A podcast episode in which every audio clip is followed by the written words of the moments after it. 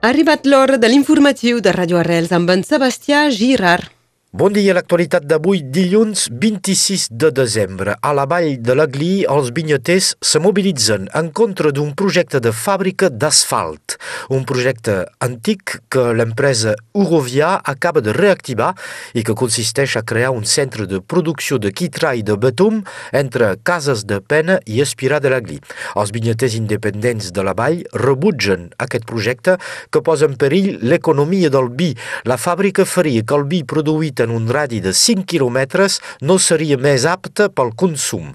Els viticultors tenen el suport de la Cambra d'Agricultura i també de la Municipalitat d'Espirà, que acaba de votar una moció en contra de la creació d'aquesta fàbrica d'asfalt. A Catalunya Nord també la crisi energètica fa tremolar l'economia. Els empresaris nord-catalans es van reunir la setmana passada per informar sobre les ajudes disponibles perquè les empreses paguin la factura de la llum. Els dispositius seran reconduïts al 2023. Totes les empreses tindran dret a una reducció de l'impost sobre l'electricitat que cal sol·licitar a prop d'EDF. Les empreses de menys de 10 assalariats també poden optar a una tarifa protegida que limita l'augment del gas i de la llum a 15% pel 2023. La setmana entrant, la Cambra de Comerç i d'Indústria de Catalunya Nord posarà en plaça un servei d'informació amb un número obert on els empresaris podran discutir gratuïtament amb un conseller. Al Conflent, una iniciativa popular remarcable. Una trentena de benèvols han restaurat el canal de baix de Callà, malmès per la tempesta Glòria el 2019. El canal de baix és un dels dos canals històrics del poble de Callà que pren l'aigua del riu La Castellana. En el passat va servir per alimentar un molí de farina, un molí d'oli i una papereria. El grup de benèvols ha restaurat 70 metres del canal que la tempesta havia tapat totalment. A Catalunya Sud, l'any s'acaba amb un nou rècord dels preus de lloguer.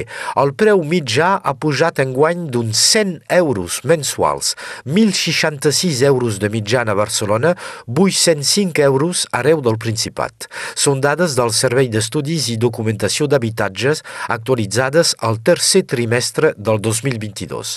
Recordarem que al setembre de l'any passat el Parlament català havia aprovat una llei que obligava a congelar o a baixar els preus dels lloguers a 60 ciutats catalanes de més de 20.000 habitants, una mesura que el Tribunal Constitucional espanyol va tombar parcialment al març d'aquest any. Dulce Mania, avui al 10 sobre 10, quatre punxadiscos remarcables actuaran avui a la Casa Musical. Denis i Romain Dulcet, Seb i Fabrice Torricella han estat DJs residents o habituals de clubs i discoteques històriques com el Rajdenga, el Playa, el Potxic o l'Absolut. I per acabar, la tradicional rifle en català organitzada per Aeronou de Bou aquest vespre, enguany els beneficis seran redistribuïts distribuïts a la jove associació de lleure al Rudal. Al menú, 21 partides. La rifle té lloc a la sala de la Bilbao de Bou avui a les 8 i mitja.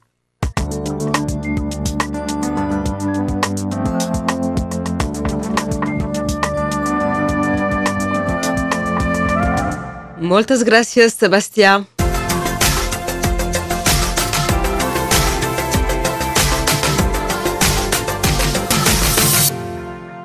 Passem a la meteo. Pel que fa al temps d'aquest dilluns, es preveu ennubulat aquest matí amb clarianes a muntanya. Amb el pas de les hores, el cel quedarà ben clar i assolellat per la resta de la jornada tot Catalunya Nord. El vent serà pràcticament inexistent, excepte a la costa vermella, on bufarà del nord fins a 30 km per hora. Les temperatures seran un poc més altes que el dia de Nadal. Les màximes seran de 18 graus a Perpinyà i Talteui, 17 a Tui, Serret o encara Prada, 16 graus a Prats de Molló i Sant Miquel de Llotes, 15 a Surreda, Banyuls de la Marenda i Fontpedrosa, 13 graus tant a Mantet com a Puigbalador, 12 de màxima als Angles i 11 a la Llagona. El sol es pondrà a les 5 i 20 d'aquesta tarda i guanyarem un minut de llum del dia. Avui celebrem Sant Esteve, també és el Boxing Day al Regne Unit i el Dia de l'Independència i la Unitat a Eslovènia.